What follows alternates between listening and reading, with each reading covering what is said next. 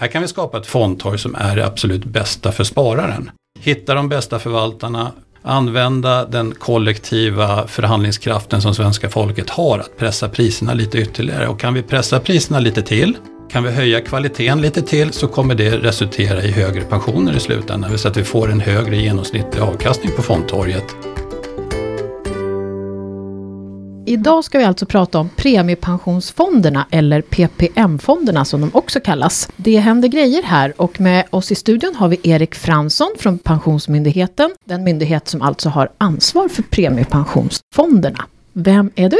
Ja, som du sa, jag är chef för fondtorgsavdelningen på Pensionsmyndigheten. Man skulle kanske kunna beskriva mig lite som en fondnörd. Jag läser kurslistor varje morgon, mm. ser hur de går, fonderna som finns. Eh, och det är väl egentligen inget man föds till tror jag, utan det är väl något som har växt fram genom lång och trogen tjänst i, i fondbranschen. Började med fonder redan tidigt 90-tal var vd för ett fondbolag som ägdes av industribolaget ABB, ABB Fonder på den tiden.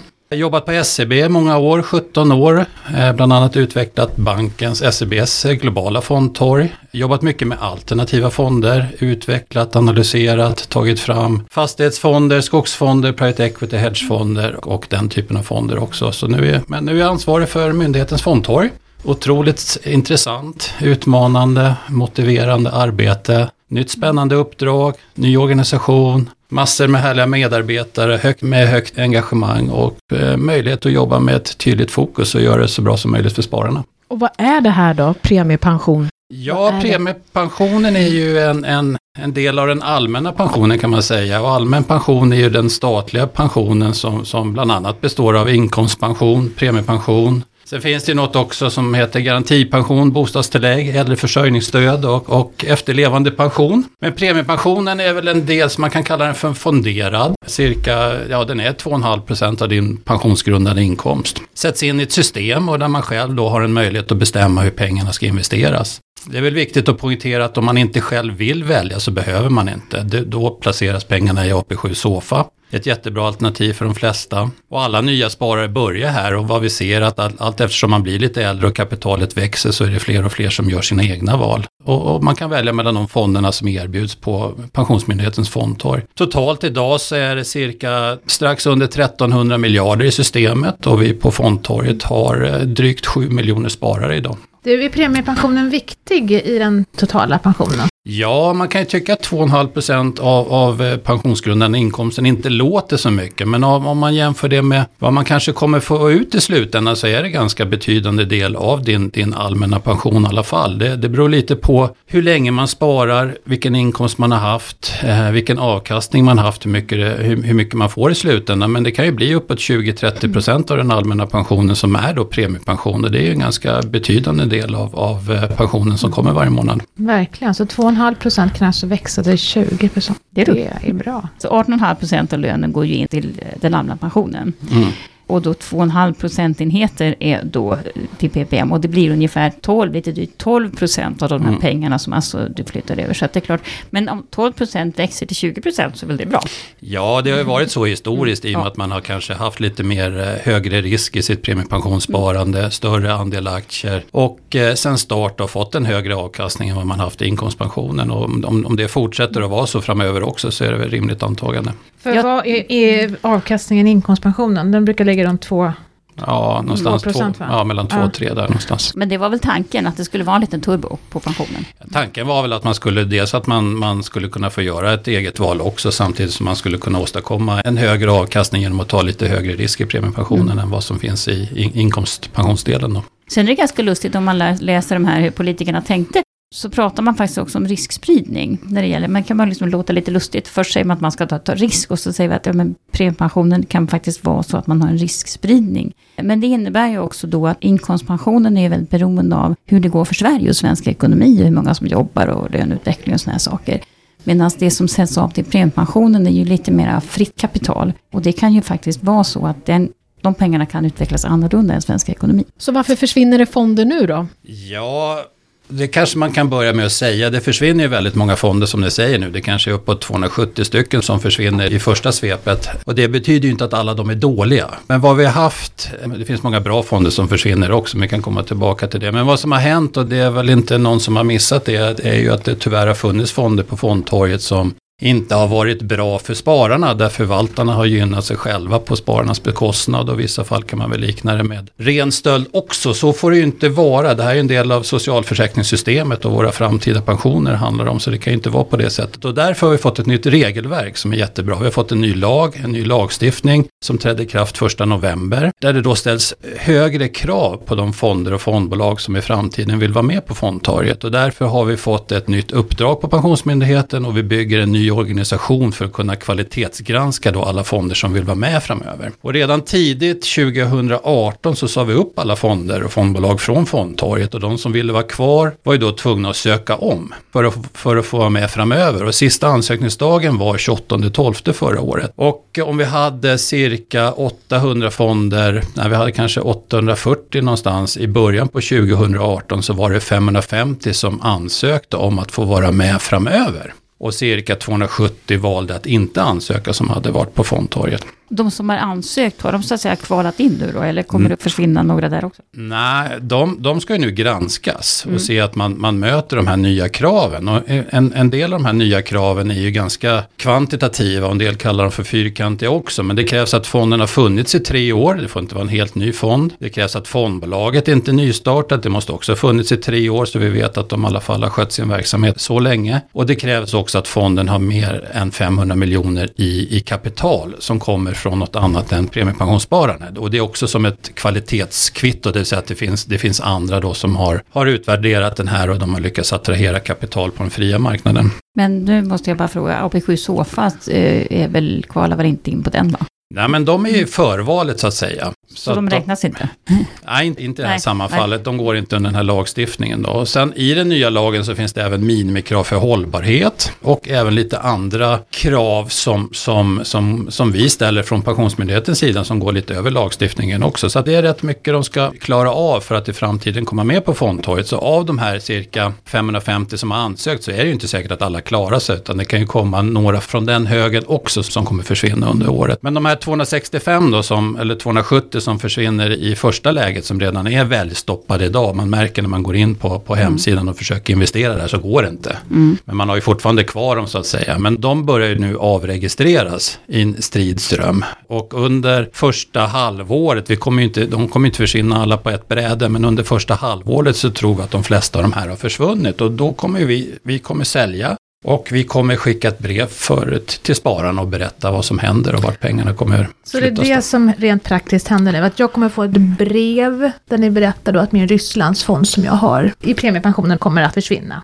Ja, kom, vi kommer skicka jättemånga brev nu. Det blir kanske, det, det, blir minst 650, det kan bli uppåt en miljon brev också som vi ska skicka här första halvåret till, till olika sparare. Och då säger vi att fonden kommer försvinna på grund av den här nya lagstiftningen, att de inte har ansökt att få vara med. Och vi kommer berätta vart pengarna kommer placeras istället. Vilket gör att du som sparare har då möjlighet, och det är ingen panik, antingen kan du göra det innan pengarna flyttas eller du kan göra det sen också. Så man behöver inte känna någon stress eller panik när brevet kommer att man måste göra någonting. Ja, och, de, och, de, flesta fonderna kommer då att vi, vi kommer flytta till, till AP7 Sofa, själva förvalet också. Då. Men vi kanske ska säga det också, eh, var hittar man sina fonder? Jag tror att det är inte alla som, som vet, liksom, hur ska jag kolla mina fonder in the first place? hur gör jag? Ja, man loggar in på sidan på pensionsmyndigheten.se. Mm. Med bank-id och personnummer. Ja. ja. Och sen, min erfarenhet är att det är egentligen lättare att göra på dator, för där hittar man dem fortare. Gör man det i mobilen så får man scrolla ganska länge innan man hittar de där fonderna. Men där något, finns de. Ja, ja mm. det är något bra tips. Ja, och det är väl bra att titta och kolla vad man har. Och det är klart, har man på sju soffa och aldrig har gjort något val, då behöver man inte bry sig om det här. Nej. Nej. Jag tänkte bara, så att jag förstår rätt. Är det så att när jag får det här brevet då, så jag behöver inte gå in och ändra på en gång, utan det kan jag göra när jag känner att nu har min fond kommit upp i den nivån så jag tycker att det är värt att sälja, eller kommer den tvångssäljas?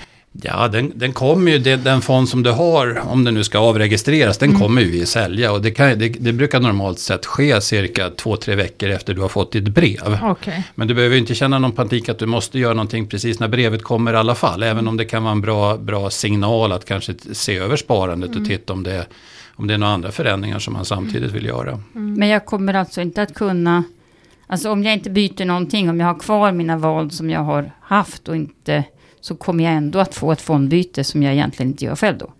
Ja, det Ja. stämmer. Så att, eh, ja. Mm. Så om man vill vara före, då kan man göra något nu, Ja. eller? Ja, det kan man göra. Mm. Fast det är tråkigt när fonden har gått ner nu. Men det kan ju mycket väl vara, om du har valt en Rysslandsfond så kan det finnas någon annan Rysslandsfond som, som Ja. är med så att säga.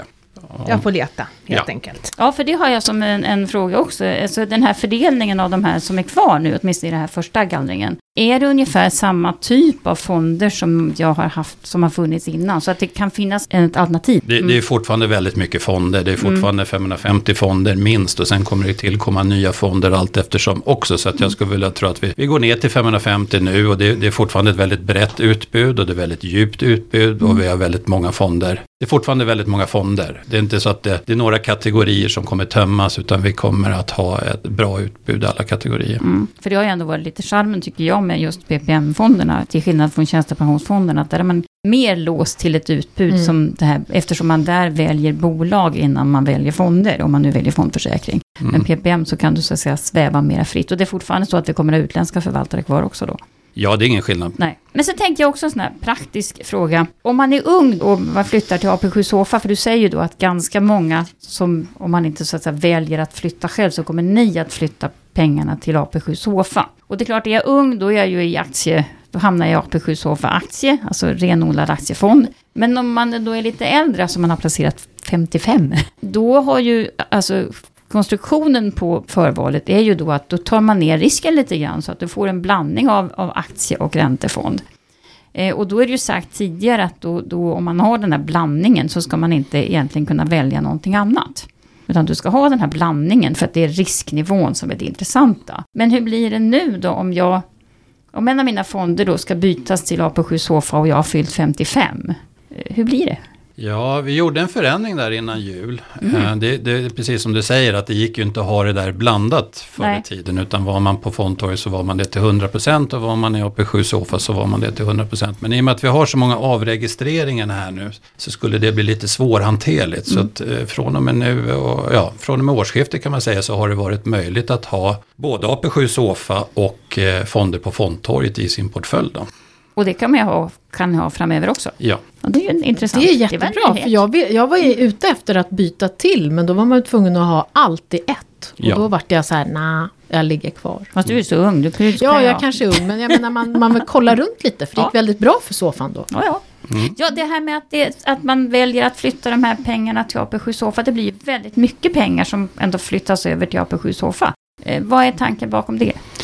Ja, tanken är ju att eh, AP7 Sofa är någon form av icke-val så att säga. Nu kommer det vara väldigt många fonder som avregistreras och, och man har ju möjlighet att göra sitt eget val efter brevet har kommit ut och gör man inte något val så blir det ju liksom ett icke-valsalternativ även i den här processen. Så att det är ett bra alternativ för sparare som inte gör ett eget val. Och gör man ett eget val så kan man ju då välja själv så att säga. Men det, det är ett bra alternativ för de som inte agerar själva eller är, är aktiva.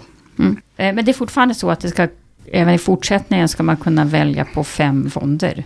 Så som, alltså man gör inga förändringar där. Nej, inte vad vi tänkt just nu. Nej. Jag har pratat tidigare om att man skulle, i med takt med att fler och fler har ganska mycket kapital. Jag menar, har man varit med i 20 år så börjar man liksom ha typ en halv miljon eller något på sitt konto. Men det är ingen takt med att man ska kunna så att säga, sprida till mer än fem fonder. Det är inget som vi diskuterar just nu i alla fall, men det, det är någonting vi får ta, ja, vi kanske kommer fundera på det lite senare. De här flyttarna nu då, du skulle, ni ska skicka ut miljontals brev. Hur länge kommer flyttarna pågå? Men vi tror väl att det mesta ska vara klart innan sommaren.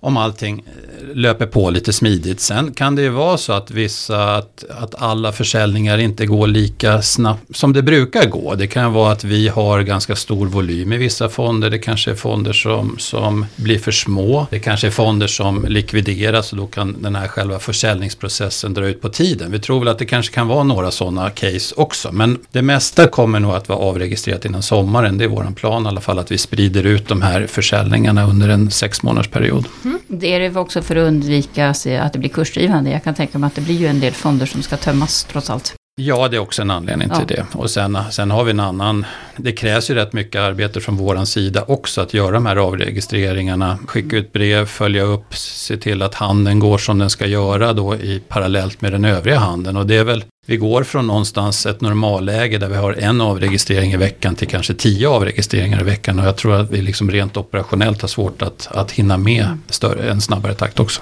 Ja, hur kommer övriga handeln, handeln att fungera? Är det risk för att det liksom blir stopp och kall på linjen här? Nej, det kan ju vara att man har någon fond som är, är äh, bärad lite om det, det, är en, det är en längre så att säga, likvidationsperiod. Men jag tror att man inte kommer märka så mycket av det här.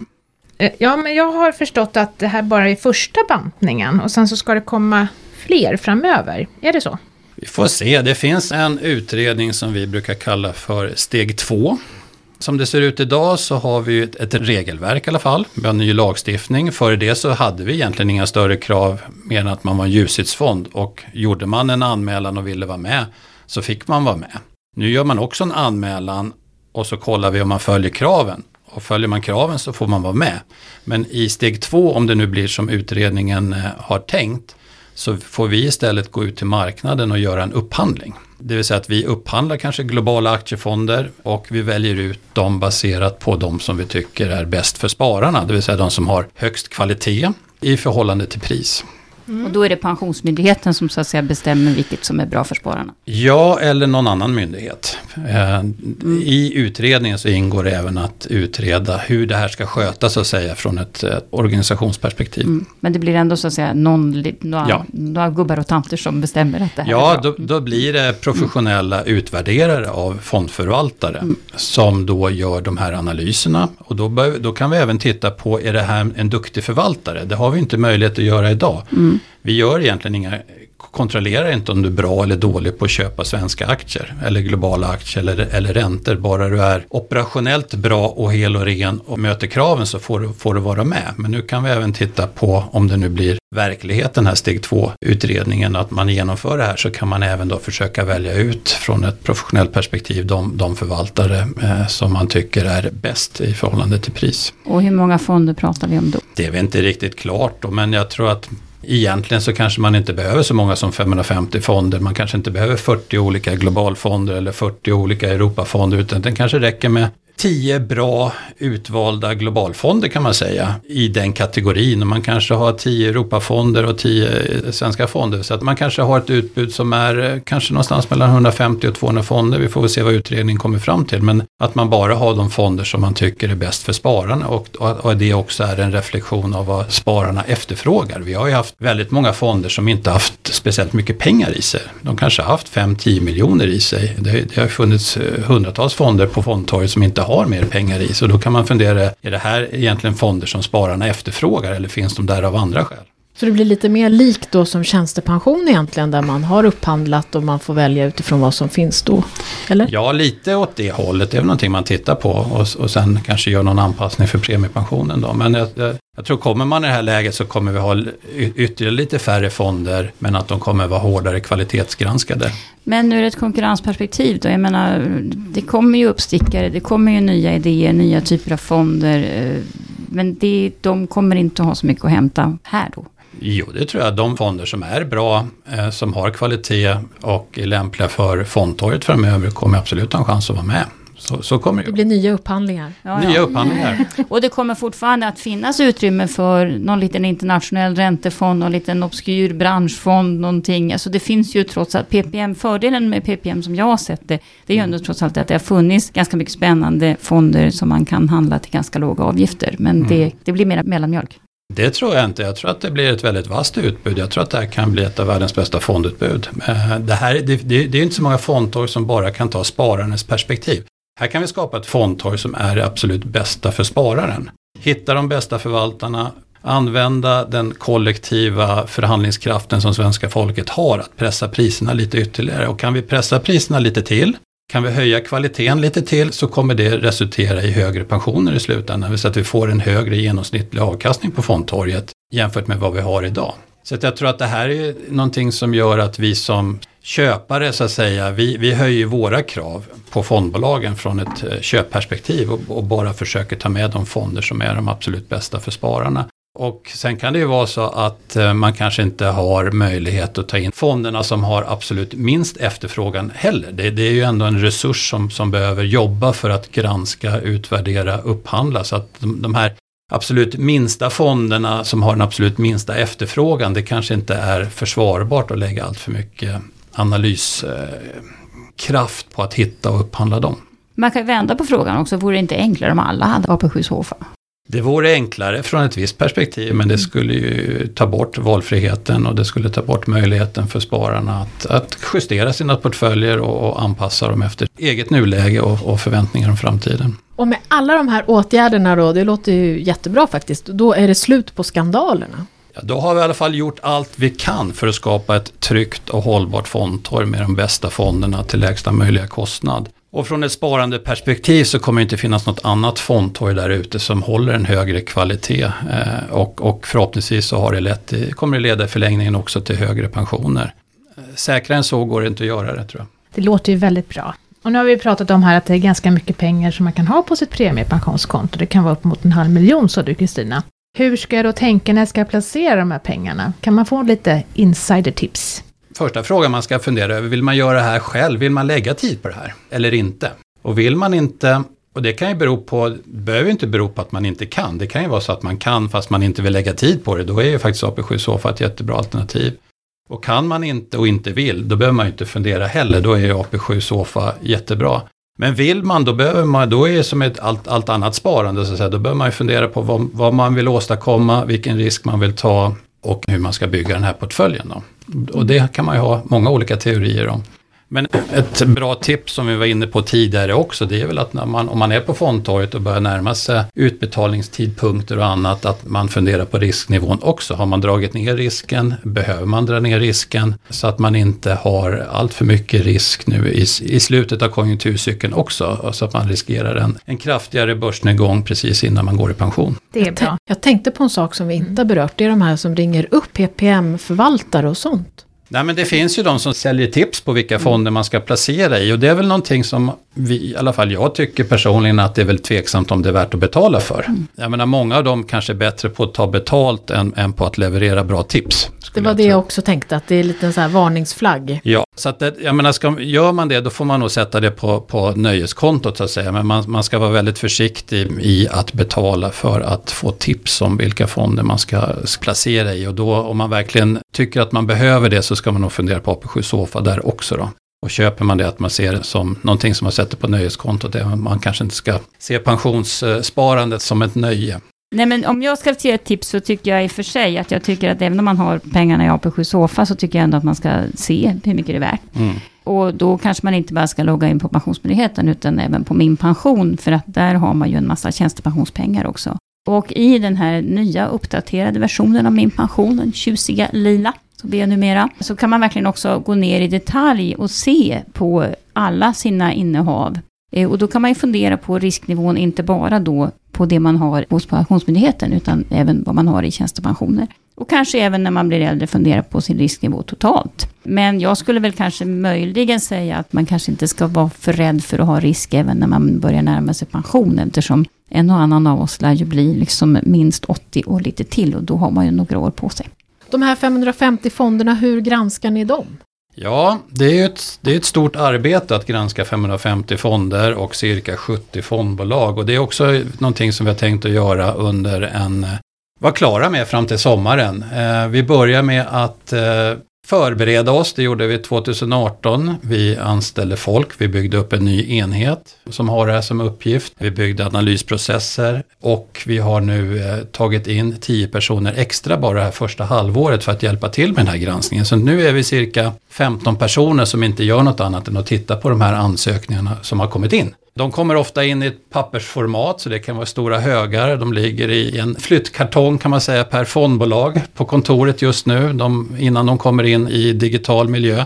Vi börjar med att titta att ansökan är korrekt ifylld. Själva ansökningsförfarandet följer förvaltningsrätten som, som kanske inte är helt eh, bekant för alla, men de, de, de ska ju vara korrekt ifyllda. Så att Steg ett är ju att vi tittar igenom det och begär kompletteringar för de som inte har fyllt i det rätt. Och det, det varierar väldigt mycket från de som har gjort det perfekt till de som har rätt mycket att komplettera med. Sen börjar man att titta på de här hårda kraven, att det finns 500 miljoner utanför premiepensionen, att fonden har funnits i tre år. Eh, fondbolaget har funnits i tre år. Att man har skrivit under PRI som är minimikravet för hållbarhet, de här enkla eh, kontrollerna.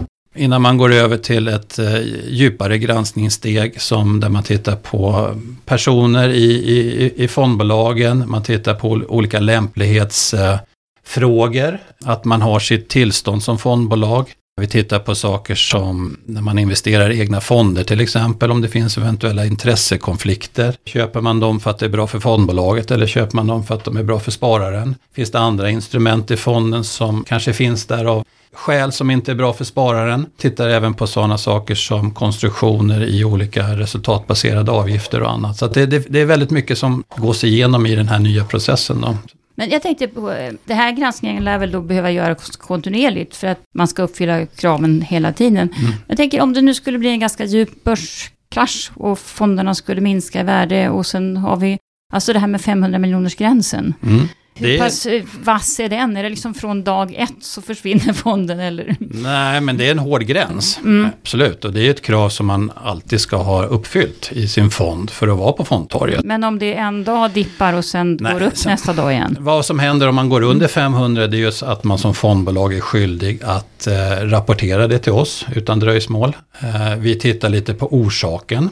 Är det så att det varit en börsnedgång eller så att man fått ett stort uttag? Och fundera på hur lämplig tidsperiod för fondbolaget att åtgärda den här bristen då. Ja, så det kan finnas ett tidsspann om man har liksom lite respit i alla fall. Sen tänkte jag också, allt det här, både juridiska processer kring de här skandalerna och de här med nytt folk och vi brukar prata avgifter. Det här är väl inte gratis heller? Vem är det som betalar? Nej, det betalas ju av, av eh, indirekt av eh, premiepensionsspararna. Ja, och det har man ju pratat om, alltså att den här administrativa avgiften som Alltså, förutom då att man har en fondavgift som man betalar till förvaltaren så betalas det ju även en administrativ avgift till Pensionsmyndigheten. Och den har man ju sagt i många, många år att den ska sjunka enligt en viss plan. Håller man den planen? Jag har inte exakt koll på den siffran. Mm. Men man kan väl säga att tar man kostnaden i förhållande till förvaltat kapital så ligger vi på ganska låga kostnader. Rent har du administration. Någon? Nej, jag har inte dem i huvudet. Mm. Men det är ju, vi har investerat i fler resurser mm. absolut för att göra de här granskningarna. Och eh, det har ju visat sig att, det har behövts. Ehm, eh, och, det kommer behövas framöver också. jag tror att de här insatserna vi gör kommer betala sig eh, mer än vad det kostar. Det kommer betala sig i termer av framtiden lägre kostnaderna för spararna i termer av nya upphandlingar och det kommer även betala sig i termer av bättre avkastning för spararna i genomsnitt också. När vi tittar lite på de här fonderna som har försvunnit i förhållande till de som finns kvar så ser vi redan nu att de som försvinner har lite högre kostnader, har lite sämre hållbarhet och har haft lite sämre historisk avkastning också. Finns det en konflikt mellan hållbarhet och avkastning? Kan finnas. Och vilket ska trumfa över? Jag tror att man som sparare ska ha möjlighet att välja det själv. Mm, ja. Eh, Men om alla ska vara hållbara, då har man ju inte den möjligheten. Vi har ett minimikrav på hållbarhet. ja. jag, jag, tror att så länge man håller sig på minimikravet så kommer det inte vara någon konflikt med avkastningen. Men sen mm. finns det ju fonder som går mycket längre i sin, sin ambition att skapa investeringar för att påverka hållbarheten framöver. Och då, kan det, då är det någonting man kan titta på också, att man inte det kan ju leda till att man får en sämre diversifiering i portföljen. Mm. Vilket från, från tid till annan kan göra att man får en sämre avkastning. Men det är väl ett val som man ska kunna göra själv också. Och det är väl någonting vi jobbar med ganska, ganska hårt med nu. Och kunna göra det möjligt för spararna att välja ut, utifrån ett hållbarhetsperspektiv. När jag är ute och pratar med folk, eh, jag reser ju mycket och pratar med alla möjliga människor. Så brukar jag fråga var väljer man fonder till sin premiepension? Och då blir det alldeles tyst. Det är skulle säga, en på hundra möjligen som faktiskt vet var man väljer fonder. Och det kan ju bero på att man inte är intresserad av alla möjliga skäl. Men, men finns det anledning nu med alla de här förändringarna och så att kanske lyfta den här frågan hos Pensionsmyndigheten? Att, att utbilda oss lite mer och göra lite omstart på premiepensionen? Ja, vi får ta med oss det till kommunikationsavdelningen. Det är, det är mycket som behöver kommuniceras runt pensionen. Premiepensionen är ju bara en del, utan det finns ju många andra frågor också. Så att det gäller väl att hålla en balans i kommunikationen och inte försöka eh, medverka i att skapa en oro också. Premiepensionen kan ju faktiskt vara någonting som man inte behöver göra så många val i heller. Även Nej. fast man är på fondtorget. Det kan, det kan ju faktiskt räcka med att man gör, väljer några bra breda globala aktiefonder så behöver man inte göra så mycket mer heller. Då. Så det är ju inte någonting som man behöver vara väldigt aktiv i om man, om man inte vill heller. Då. Men det är klart man ska veta var man ska gå så att säga. Och det kan ju faktiskt vara ett aktivt val att ligga kvar i AP7 SOFA också. Ja. Ja. Men är premiepensionen som du bedömer, är det någonting som är något onödigt eller är det någonting som kan faktiskt vara bra för mig som blivande pensionär? Det har ju visat sig att det har varit väldigt bra. För alla som har varit med. Systemet har ju gått väldigt bra historiskt. Fram till idag i alla fall. Och det är väl en, en, en bra indikation på att det kommer vara bra för spararna framöver också. Med de här åtgärderna vi gör så kommer det bli ännu bättre. Mm, Och prata mer om det än om skandalerna kanske. Ja, förhoppningsvis är det ju slutpratat om dem. Vi jobbar ju väldigt hårt med att försöka återgälda så mycket som möjligt till spararna från de här skandalerna som har varit. Så det är ett arbete som vi fortsätter att jobba med och där vi kommer fortsätta jobba hårt för att göra vad vi kan för att spararna ska få tillbaka så mycket som möjligt.